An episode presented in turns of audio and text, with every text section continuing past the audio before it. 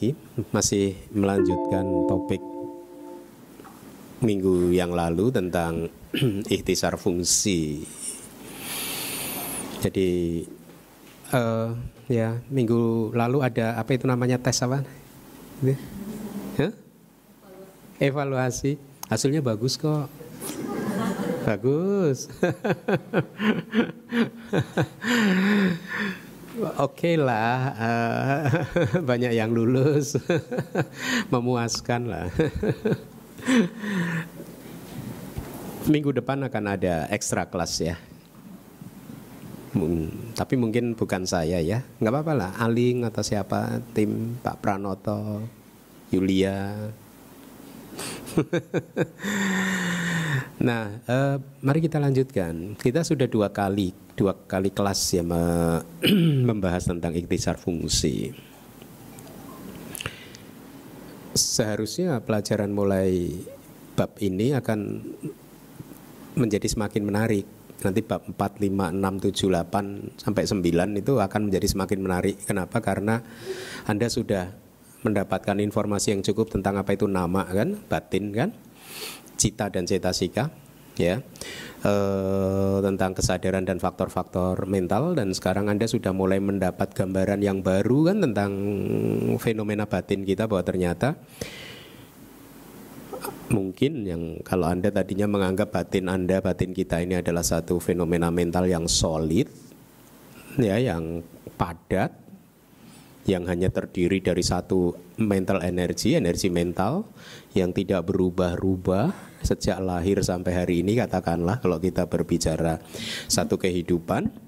Ternyata sekarang pemahaman Anda sudah mulai menjadi semakin lurus, semakin benar bahwa ternyata fenomena mental batin atau Anda mungkin menyebutnya roh Anda atau diri Anda atau atau aku Anda ya itu ternyata hanyalah gabungan dari proses cita dan cetasika. Dan juga tentu saja tubuh jasmani rupa ya. Dan fenomena mental batin ternyata adalah fenomena yang kompleks ya. Ya. Tidak sesederhana yang anda bayangkan sebelumnya mungkin bahwa ternyata di dalam katakanlah satu kesadaran melihat saja kesadaran mata ada berapa faktor mental yang terlibat tujuh ya. Lihat bahkan pada saat kesadaran mata melihat objek itu ada tujuh faktor mental lain yang yang bekerja bersama dengan kesadaran kan? Ya. Nah anda mulai harus bisa membayangkan tujuh kes, uh, faktor mental dan kesadaran itu fung, bekerjanya bagaimana. Oh kesadaran adalah uh, menyadari akan adanya objek. Kemudian pasah adalah yang menyentuh objeknya gitu kan? Wedana adalah yang menikmati objek tersebut ya. Baik itu objeknya itu menyenangkan atau tidak menyenangkan ada ada yang menikmati perasaan. Makanya perasaan itu di dalam Buddhism menempati posisi yang sangat sentral. Karena samsara kita ini selama ini senantiasa bereaksi terhadap perasaan. Perasaan apa pun yang muncul memunculkan nafsu keinginan Selama perasaan yang muncul akhirnya menjadi kondisi penyebab munculnya nafsu keinginan, maka samsara akan berputar terus. Ya. Sekarang suka wedana ya. Suka wedana muncul, Anda bernafsu menginginkannya lagi dan lagi. Samsaranya berputar lagi. Duka wedana muncul, Anda bernafsu, tandanya menginginkan suka wedananya muncul dong, jangan duka wedana dong. Putar lagi. UPK muncul ya, duka masuka muncul, Anda juga ada nafsu keinginan, kerinduan, kehausan untuk menginginkannya uh, lagi dan lagi. Samsaranya berputar terus, ya. Bagaimana cara menghentikan samsara? Setiap perasaan yang muncul, amatilah munculnya perasaan dan lenyapnya perasaan itu adalah kebijaksanaan panya. Anda tahu kapan perasaan itu muncul dan Anda tahu kapan perasaan itu lenyap. Pada saat kebijaksanaan Anda sudah berkembang, Anda akan mulai lebih paham lagi bahwa perasaan yang muncul tadi muncul karena ada sebab yang menyebabkannya, ada kondisi, ada syarat yang terpenuhi sehingga perasaan muncul. Dan Anda mulai melihat juga kalau syarat dan kondisinya itu lenyap, perasaan juga lenyap. Nah, hubungan sebab dan akibat seperti ini menjadi semakin semakin matang kebijaksanaan Anda melihat hal tersebut sehingga akhirnya roda samsara bisa pelan-pelan dihentikan. Ya, nah kembali lagi wedana adalah yang menikmati uh, objeknya, kemudian sanya adalah apa? Yang memberi tanda persepsi kan? Ya, oh ini Bante Keminda, oh ini merah, biru dan lain sebagainya. Itu sanya, persepsi. Hati-hati, persepsi bisa salah. Ya, kita mengenal distorsi dari persepsi kan, persepsi yang terdistorsi, persepsi yang jungkir balik. Harusnya tidak kekal kita anggap kekal, harusnya duka kita anggap suka, harusnya anata kita anggap ada ata, ya jungkir balik kan. Uh, Mengetahui hal demikian membuat kita tidak terlalu melekat kepada persepsi kita. Pada saat kita tidak terlalu melekat pada persepsi kita, ego kita menjadi mengecil.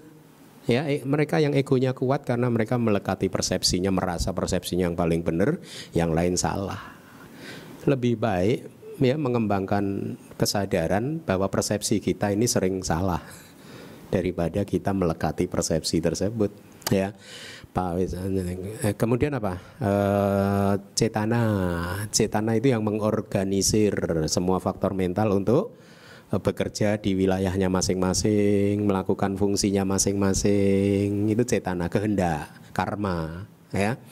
Dia seperti ketua kelas, dia sendiri belajar pelajaran, dia juga mendorong teman-teman sekelasnya untuk juga belajar pelajarannya masing-masing. Eka gata samati ya. Itu apa? Eh, samati itu seperti ini apa uh, dia yang tepung yang tercerai berai kalau diberi air itu perumpamaannya dia jadi menggumpal uh, menjadi fokus pada satu titik. Kemudian ciwitindria nama.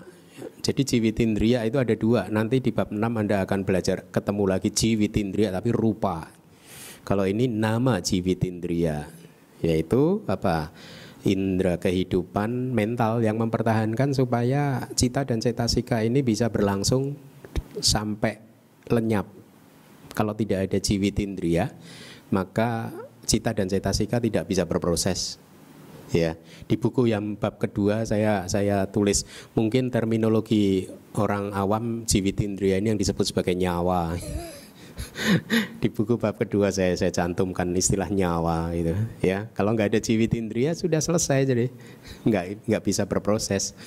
Ini kan seperti air di bunga teratai itu kan ya. Sehingga bunga teratainya masih bisa hidup karena ada airnya ya. Kemudian manasikara. Manasikara perumpamaannya apa? Kuda kusir kuda itu loh. Kalau Anda tahu perumpamaan-perumpamaan ini, Anda akan lebih mudah untuk memahami cetasika.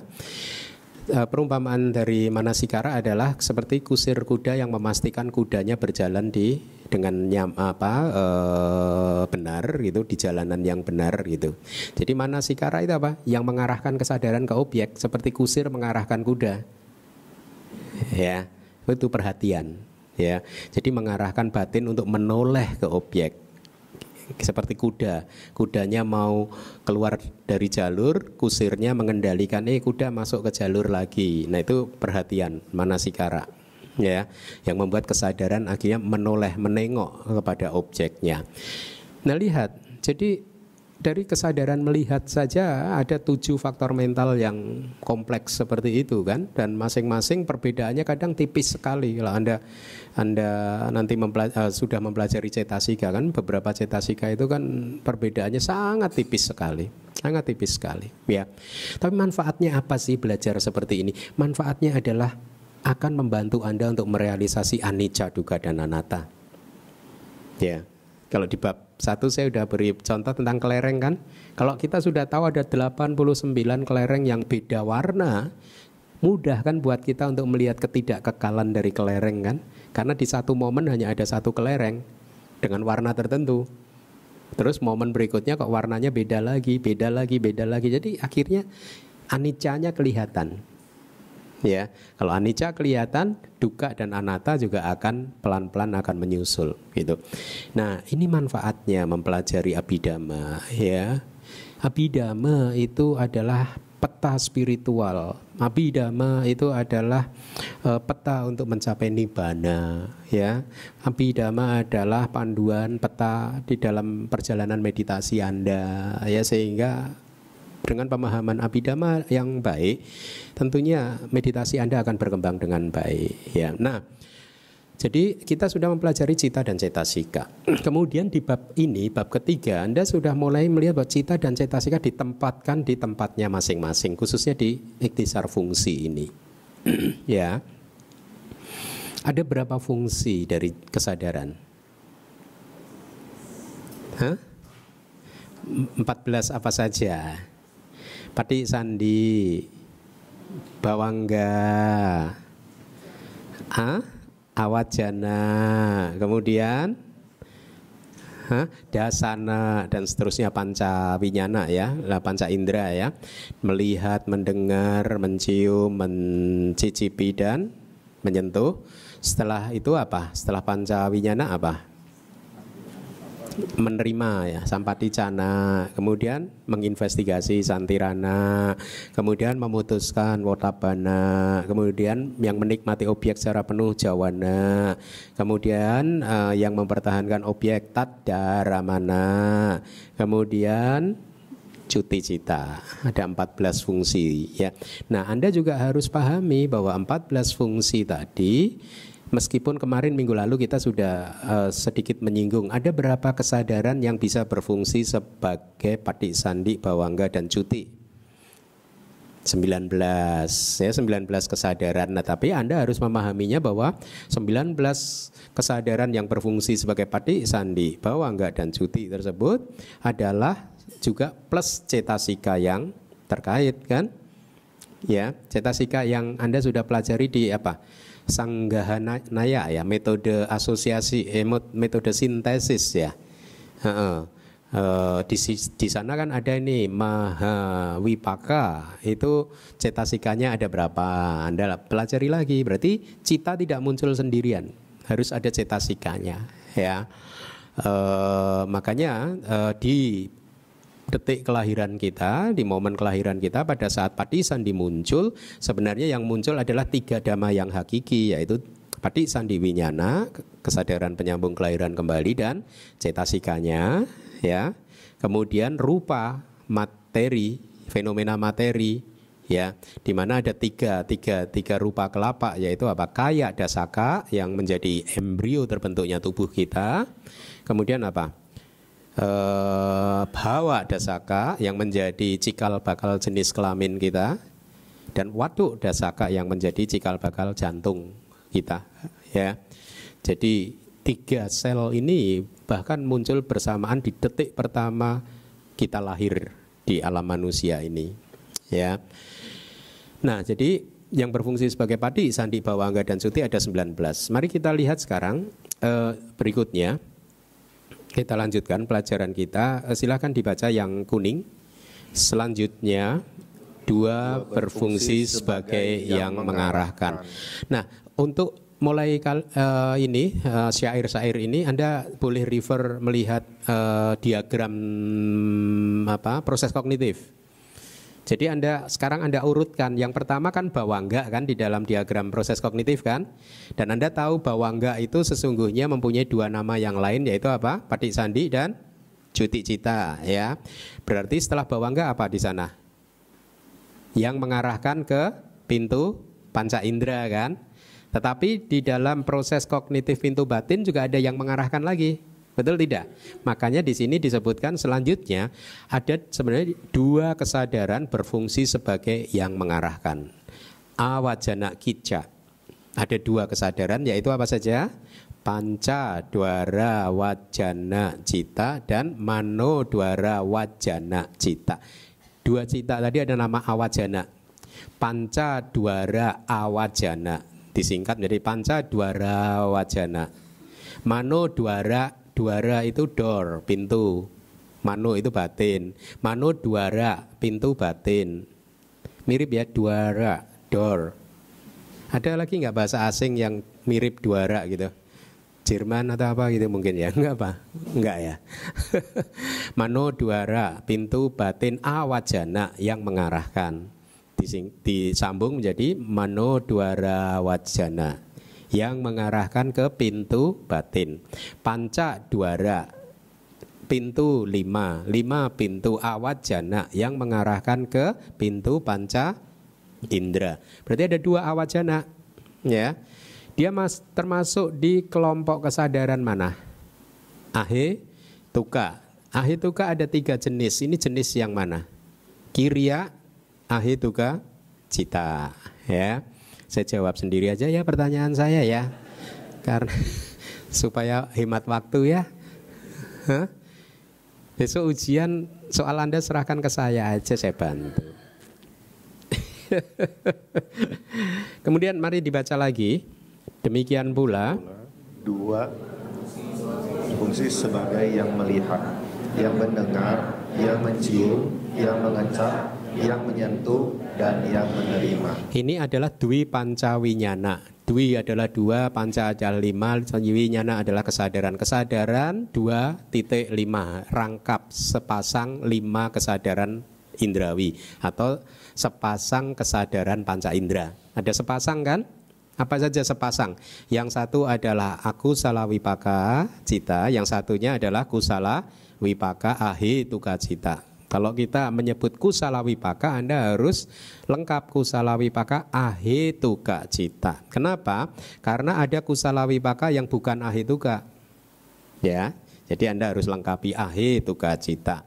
Jadi ada dua kan, kesadaran melihat dua, kesadaran mendengar ada dua, kesadaran yang hidung ya mencium ada dua kesadaran me, lidah ini yang mencicipi cita rasa makanan ada dua kesadaran tubuh yang menyentuh objek-objek sentuhan juga ada dua. Jadi eh, ada dua kesadaran yang berfungsi sebagai kesad lima kesadaran indrawi. Eh, jadi ada ada berapa kesadaran yang berfungsi sebagai kesadaran yang melihat?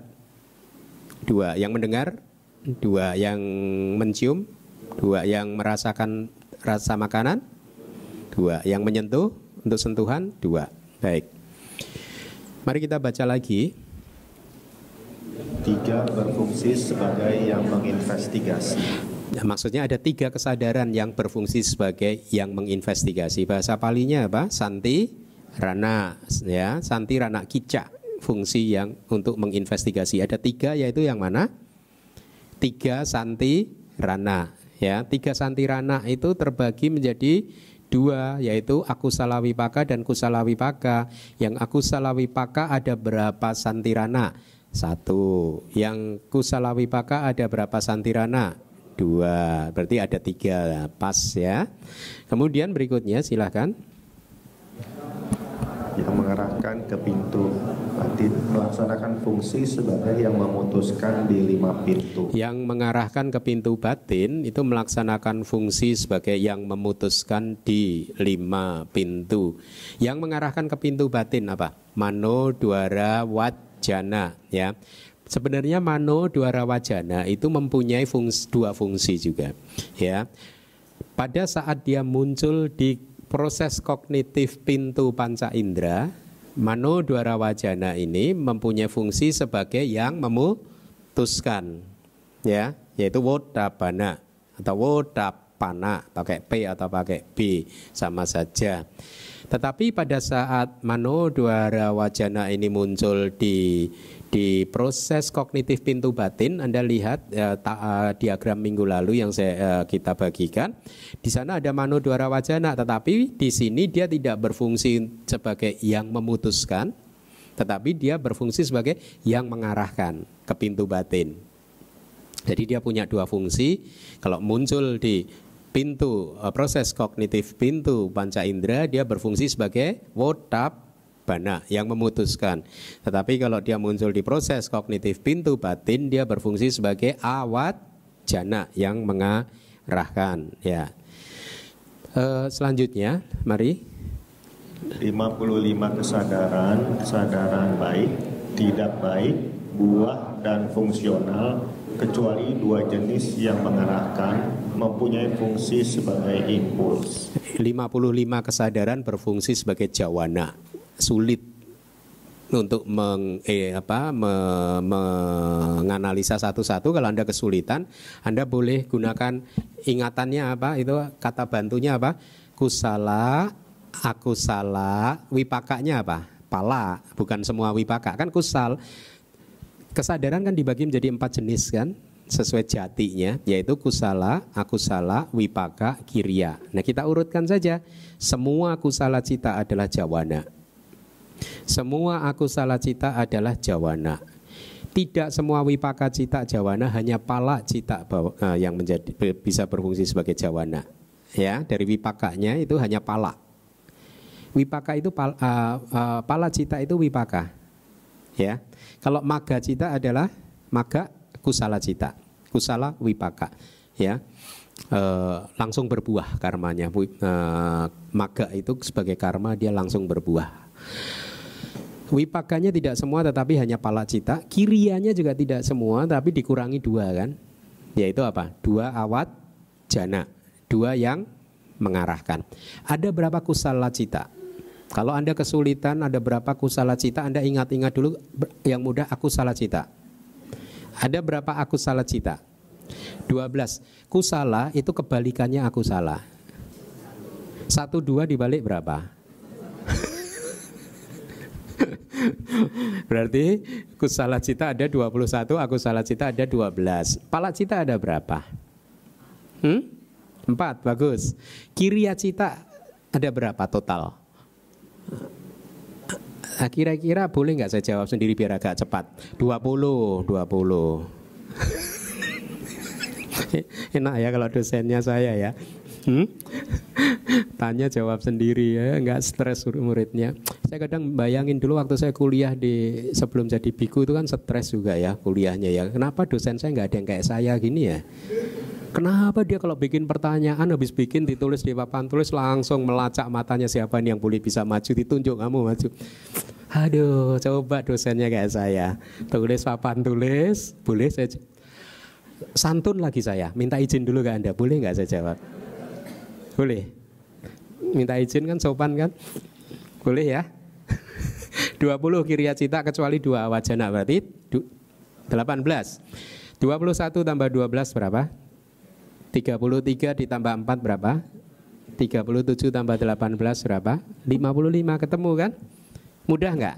55 jawana. Ayo, 55 jawana apa saja? Semua aku salah cita, aku salah cita, Pala cita bagus.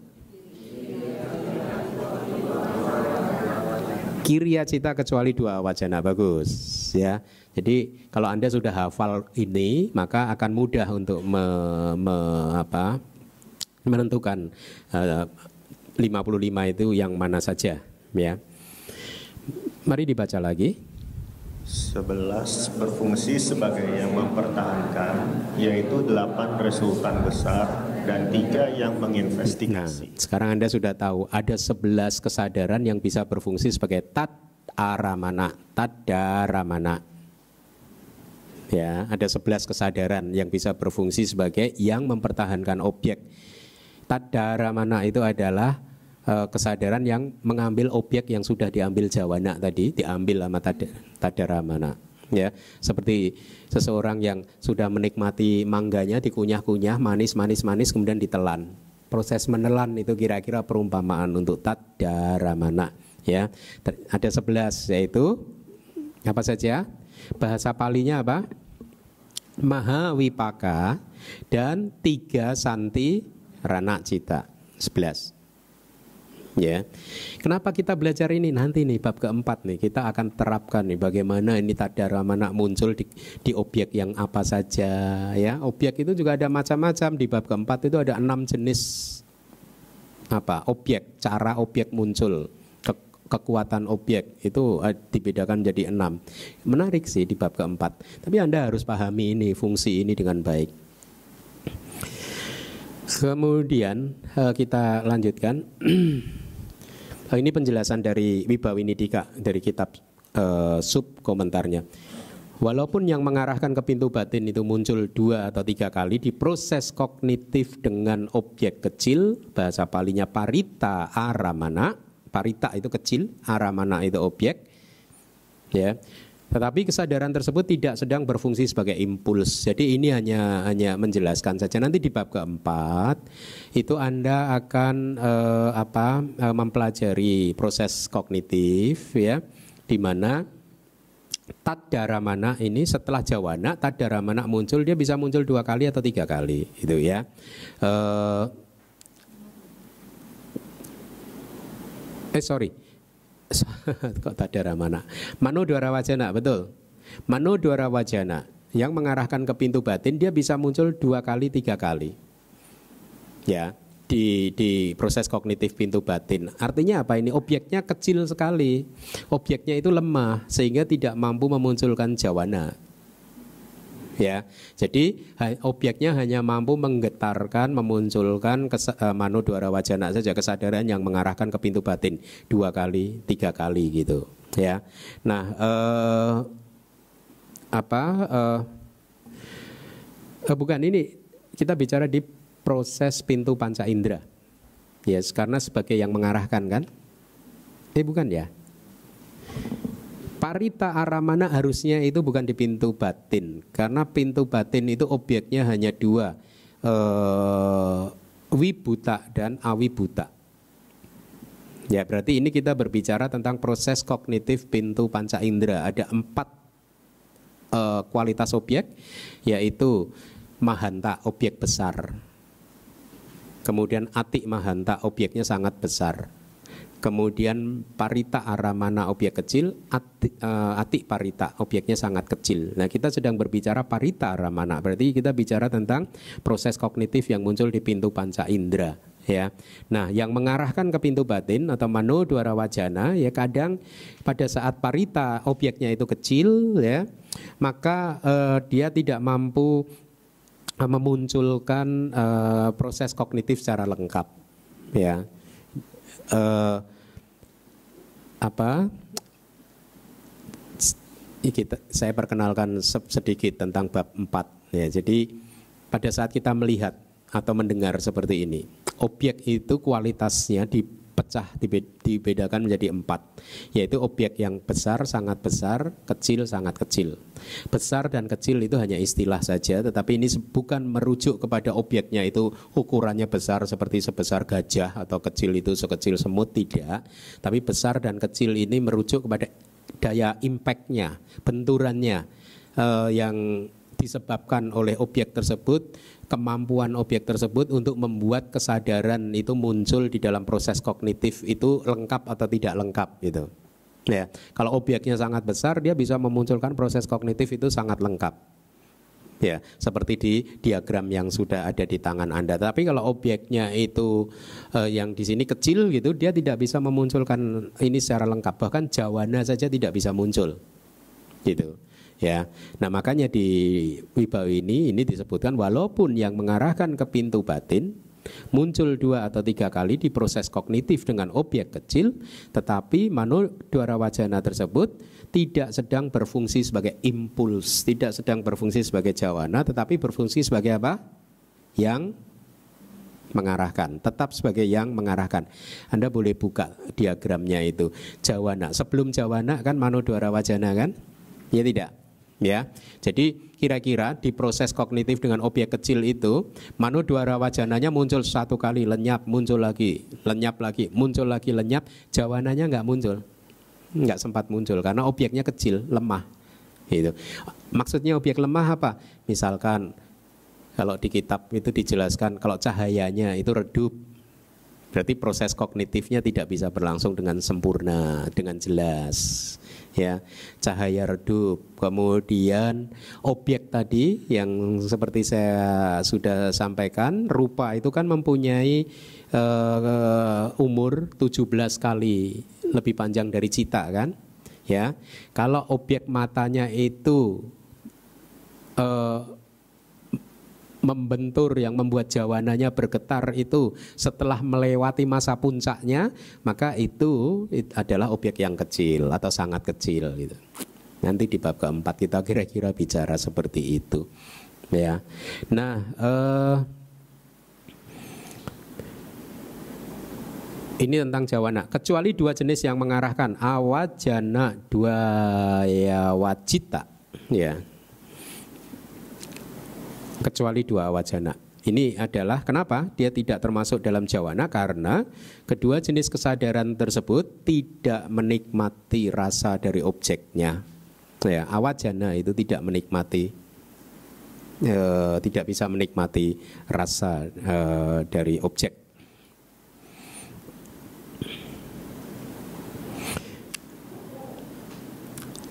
55 jawana sudah ya. Kemudian ada penjelasan lain, walaupun jalan adi duniawi, loku teramaga, jalan, ini istilah teknis. Kalau Anda di dalam meditasi Anda berhasil memunculkan kesadaran jalan, maka Anda tercerahkan. Ya, jadi tujuan kita bermeditasi kalau boleh dikatakan demikian itu adalah berusaha memunculkan kesadaran jalan. Ya, kesadaran jalan mempunyai kemampuan yang spesial yaitu apa? Menghancurkan kilesa. Pada saat kesadaran jalan ini muncul, kilesa kita hancur secara bertahap tergantung pada pencapaiannya atau tergantung pada kesadaran jalan itu sendiri apakah kesadaran jalan sotapati atau sekadagami atau anagami atau arahat ya.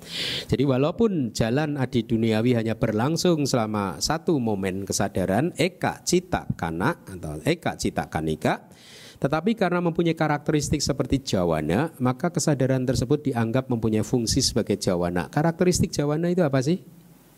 Menikmati objek secara penuh. Kemudian kesadaran jalan ini menikmati apa? Nibbana secara penuh. Ya. Selanjutnya dibaca silahkan. Selanjutnya di antara mereka dua kesadaran investigasi yang disertai dengan ketenangan melakukan lima fungsi yaitu penyambung kelahiran kembali, faktor kehidupan, kematian, yang mempertahankan dan investigasi. Nah, di sini yang disebut hanya dua kesadaran investigasi atau dua santirana. Yang mana? Yang UP Dua UPK Santirana mempunyai lima fungsi. Nah, untuk mempermudah Anda, dari lima fungsi tiga itu sudah satu paket, yaitu apa? Padi Sandi, Bawangga, kemudian Cuti Cita. Kemudian Santirana sendiri, fungsi yang menginvestigasi sendiri, keempat kan. Kemudian yang kelima apa? Hah? Yang mempertahankan atau Tadaramana. Ya, jadi setiap kali kita bicara fungsi, kalau patik sandi disebut maka bawangga dan cuti akan ikut juga. Karena itu dilakukan oleh cita yang sama. Silakan dibaca. Delapan resultan besar melakukan empat fungsi, yaitu penyambung kelahiran kembali, faktor kehidupan, kematian, dan yang mempertahankan. Ya, delapan resultan besar. Berarti delapan mahawi maka mempunyai empat fungsi yaitu kesadaran penyambung kelahiran kembali eh, sebagai penyambung kelahiran kembali bawangga cuti dan tadaramana berikutnya. Sembilan resultan yang lebih tinggi melakukan tiga fungsi yaitu penyambung kelahiran kembali faktor kehidupan dan kematian. Sembilan resultan yang lebih tinggi itu istilah teknis ya, yaitu kesadaran resultan yang lebih tinggi berarti mahagata wipaka resultan mahagata.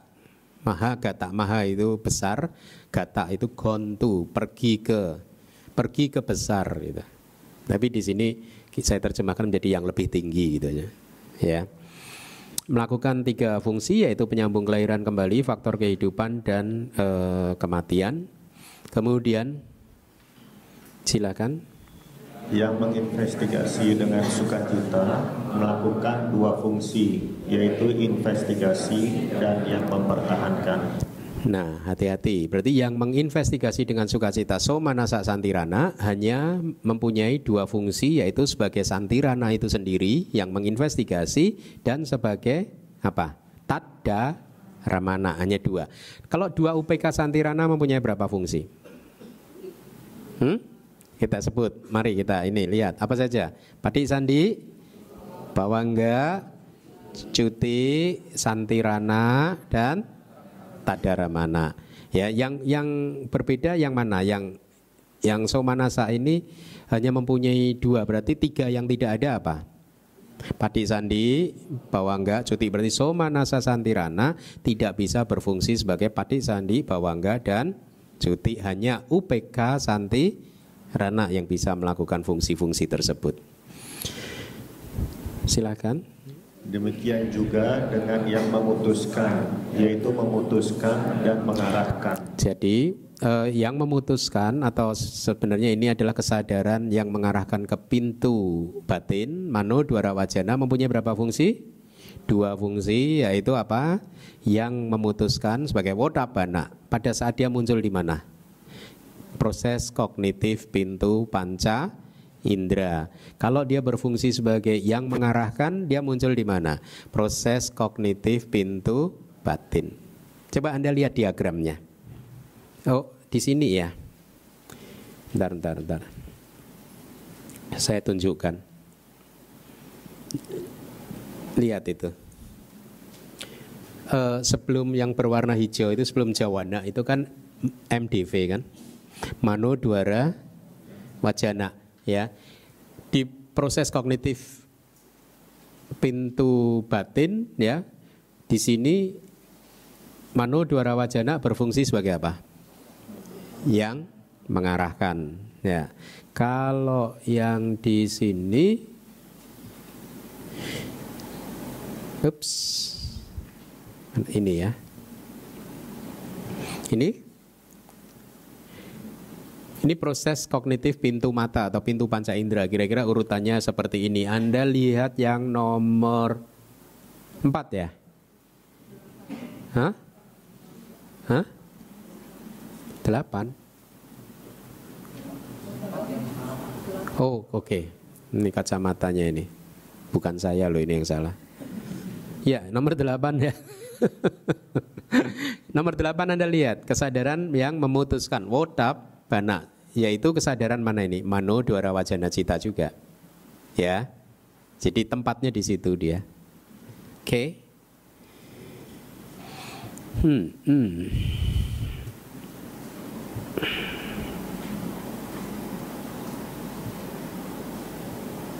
Tadi sampai di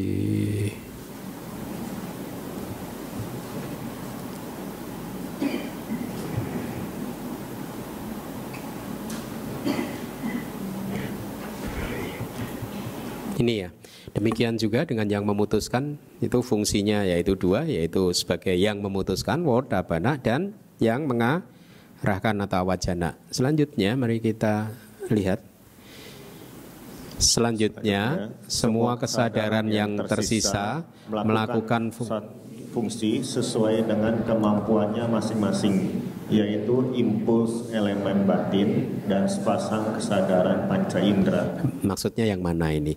Kesadaran yang tersisa itu hanya mempunyai satu fungsi ya, sesuai dengan kemampuannya masing-masing itu artinya mungkin sesuai dengan wilayahnya masing-masing, bidangnya masing-masing yaitu jawana.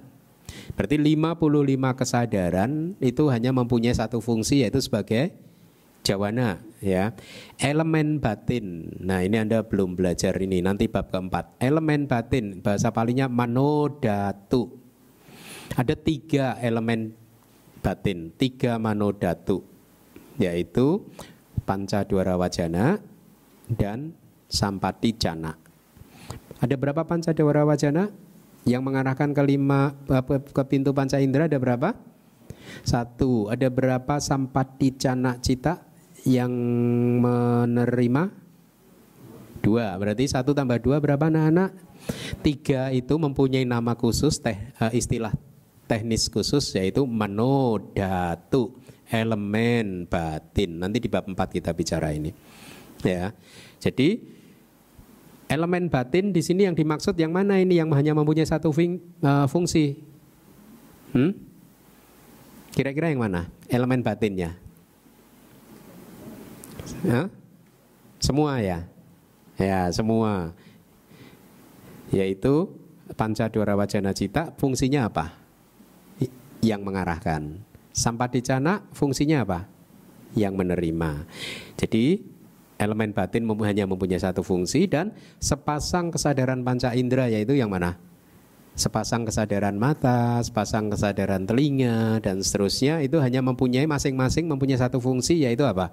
Melihat, mendengar dan seterusnya. Ya. Jadi ada berapa kesadaran totalnya? 55 ditambah 3 ditambah 10 berarti 68. 68 kesadaran mempunyai satu fungsi. Di harusnya di handout yang saya bagikan ada.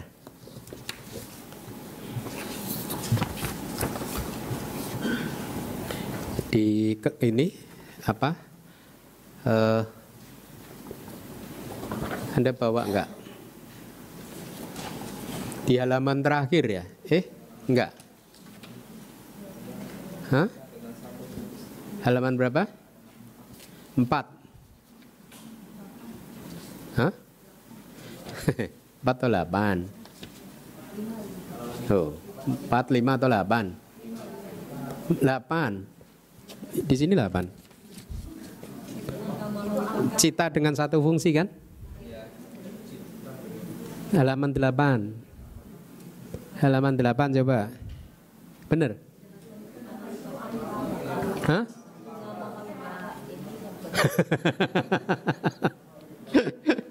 oh nggak ada halamannya ya. ya pokoknya yang ada angka 8-nya di sini nih.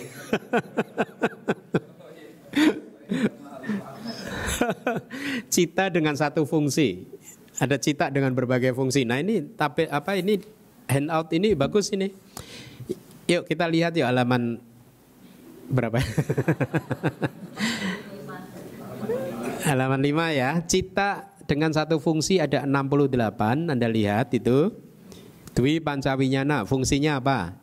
Melihat, mendengar dan seterusnya kan. Panca dua wajana satu fungsi apa? Mengarahkan ke pintu panca indera atau mengarahkan yang mengarahkan. Sampaticana fungsi satu saja apa? Menerima saja. Jawana 55 fungsinya satu saja yaitu jawana. Mereka tidak bisa melakukan fungsi yang lain ya itu yang dimaksud di wilayahnya masing-masing tadi ya kemudian cita dengan dua fungsi ada dua so manasa santirana dua fungsi fungsinya sebagai apa saja so manasa santirana Hah? apa aling investigasi dan tadaramana tadaramana Bagus. Jadi Soma Nasa Santirana mempunyai dua fungsi yaitu sebagai Santirana yang menginvestigasi dan Tadaramana atau yang mempertahankan objek. Mano Dwara Wajana Cita itu mempunyai dua fungsi yaitu apa? Yang mengarahkan dan juga yang memutuskan. Betul? Mama, mama.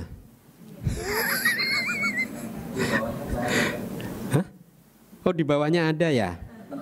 Itulah enaknya kalau dosennya biku. Kalau dosennya biku itu harusnya semua universitas dosennya biku ya. Cita dengan tiga fungsi. Oh ya sudah. Tinggal baca. Ya jangan baca dong. Sambil dipikir-pikir. Jangan dibaca. Ya jangan dibaca ya. Bawahnya jangan dibaca. Dibayangkan. Cita dengan tiga fungsi ada sembilan rupa wacara wipaka cita lima kan kesadarannya dia mempunyai tiga fungsi apa saja ayo jangan dibaca pati sandi bawangga cuti pati sandi di mana pati sandi di rupa brahma memunculkan kelahiran di alam brahma materi halus tidak di tempat yang lain sesuai dengan kesadarannya sesuai dengan tingkatan jananya ya Kemudian bawangga cuti. Kemudian yang lain apa? Oh sudah tiga. Arupa wacara wipaka cita juga mempunyai tiga fungsi itu tadi, tetapi memunculkan kelahiran di alam Brahma non materi, ya, yang tidak punya materi, tidak punya tubuh jasmani. Cita dengan empat fungsi ada delapan, yaitu mahawipaka. Fungsinya empat apa saja, jangan dibaca. Mari kita lihat Maha Wipaka Anda bayangkan tempatnya di sana ya. Dia mempunyai empat fungsi berarti tiga. Yang pertama adalah pati sandi bawangga dan cuti yaitu memunculkan pati sandi di alam-alam indrawi, alam manusia dan enam alam dewa surga ya. Enam alam dewa materi uh, kama, kama, kama wacara sugati bumi. Dewa yang masih uh, mempunyai aktivitas panca indera. Padi Sandi Bawangga Cuti. Dan yang keempat adalah sebagai Tadaramana. Bagus. Ya bagus. Kemudian cita dengan lima fungsi. Dengan lima fungsi UPK Santirana. Mari kita bayangkan UPK Santirana ada berapa cita dua. Betul Dua UPK Santirana mempunyai lima fungsi. Apa saja? Padi Sandi, Bawangga, Cuti. Kemudian Santirana itu sendiri, ya. Kemudian Tadaramana. Ya. Nah, bagus. Ya.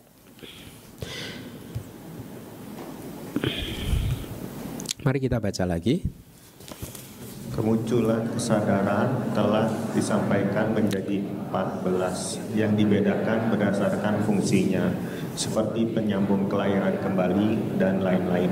Berdasarkan tempat menjadi 10 berdasarkan tempat menjadi 10 coba. Mari kita refresh lagi. Kita segarkan ingatan kita. Berdasarkan tempat. Berarti yang tempat yang pertama apa? Pati sandi tanah. Tempat penyambung kelahiran kembali. Kemudian apa? Bawangga tanah, tempat, faktor kehidupan. Setelah bawangga kemudian apa? Awajana tanah, tempat untuk yang mengarahkan. Kemudian panca winyana tanah, ya, tempat untuk kesadaran panca indera, ya. Kemudian sampati jana tanah, tempat untuk yang menerima. Kemudian enam santirana dana tempat untuk yang menginvestigasi. Yang ketujuh wotabana dana tempat untuk yang memutuskan. Yang kedelapan jawana dana tempat untuk jawana. Yang kesembilan tadaramana dana tempat untuk yang mempertahankan objek. Kemudian yang kesepuluh cuti tanah tempat untuk kematian. Fungsi dari cuti apa? Nggak kerja. Fungsi dari cuti jatuh, jatuh dari satu kehidupan, meninggal dunia. Nah, jatuh saja, habis itu dia muncul lagi. Ya, makanya Buddhism kan mengajarkan kehidupan berulang-ulang. Makanya kita santai aja lah. Ya, kita masih punya banyak kehidupan. Hah? Kalau yang yang tegang, yang buru-buru itu kan yang hanya punya satu kehidupannya nggak? Kita kan punya banyak. Santai aja. Kita nikmati kehidupan ini. Jangan buru-buru. Kayak dulu kalau kita zaman kuliah kok kamu belum lulus-lulus sih udah berapa nih udah tahun ke-6 gitu. Dulu masuknya susah kok, keluar pengen buru-buru. Masuknya susah dinikmatin lah sekolah 8 tahun. Hah? Udah bayar mahal lagi kok buru dinikmati. Sama di samsara ini kita kita nikmati aja. Oke, okay, terus selanjutnya mari kita baca lagi berturut-turut telah dijelaskan bahwa yang melakukan satu fungsi adalah 68, dua fungsi adalah dua, tiga fungsi adalah sembilan, empat fungsi adalah delapan, dan lima fungsi adalah dua. Ya, sekarang jangan lihat handout yang putih tadi. Anda boleh lihat, eh HP ada juga ya? Jangan, jangan dengarkan saya. Jadi guru dhamma di zaman modern ini susah loh. Kenapa? Karena muridnya pada pegang gadget gitu ya. Kalau saya kan dulu kalau saya ngajar itu ya, kalau sedang menyampaikan sesuatu, murid saya langsung googling loh. Oh bener Bante. di dicek loh muridnya nggak percaya juga sama saya harus tanya lebih percaya ke Google katanya daripada ke saya yuk dengarkan apa ada 68 kesadaran yang hanya mempunyai satu fungsi. Mari kita lihat. Cuk, uh, analisa. 68 kesadaran berarti 55 jawana. Fungsinya sebagai jawana. Terus apa lagi? Huh? Panca dua wajana. Ha, ada berapa itu kesadarannya? 10 dong. Eh panca dua wajana ya satu. Oh berarti manodatu gitu aja. Ha, elemen batin aja ada tiga. Elemen batin kan? Ada tiga kan? Panca dua wajana dan dua sampati jana. Elemen batin ini hanya mempunyai satu fungsi di wilayahnya masing-masing. Panca dua wajana mengarahkan ke pintu panca indera. Sampati jana fungsinya adalah yang menerima. Berarti 55 tambah 3, 58 ditambah 10 kesadaran panca indera, sepasang kesadaran panca indera. Ya, hanya masing-masing hanya mempunyai satu fungsi yaitu sebagai yang melihat, mendengar dan seterusnya. Oke, bagus. Kemudian ada dua kesadaran yang mempunyai dua fungsi apa saja?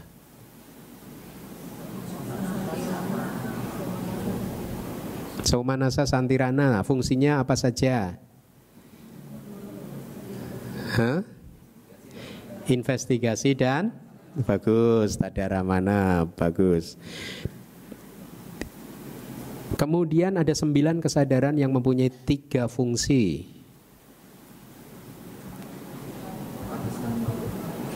Hmm?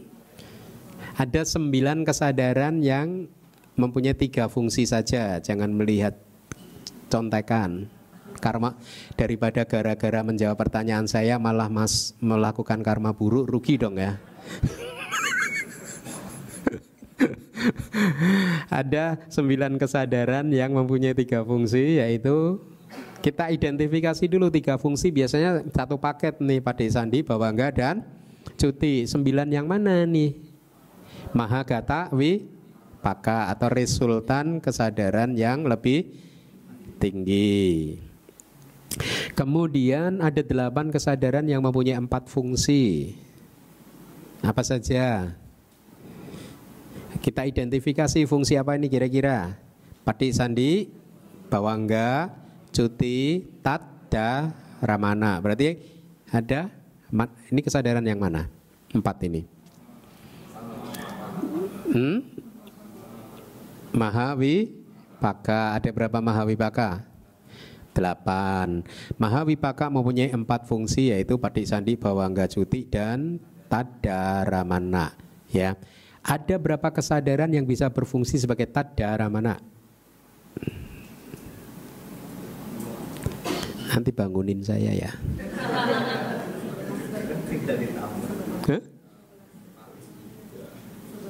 Sebelas ya, yaitu apa saja? Mahawipaka dan tiga Santi. Ranacita bagus. Gurunya yang bagus maksudnya.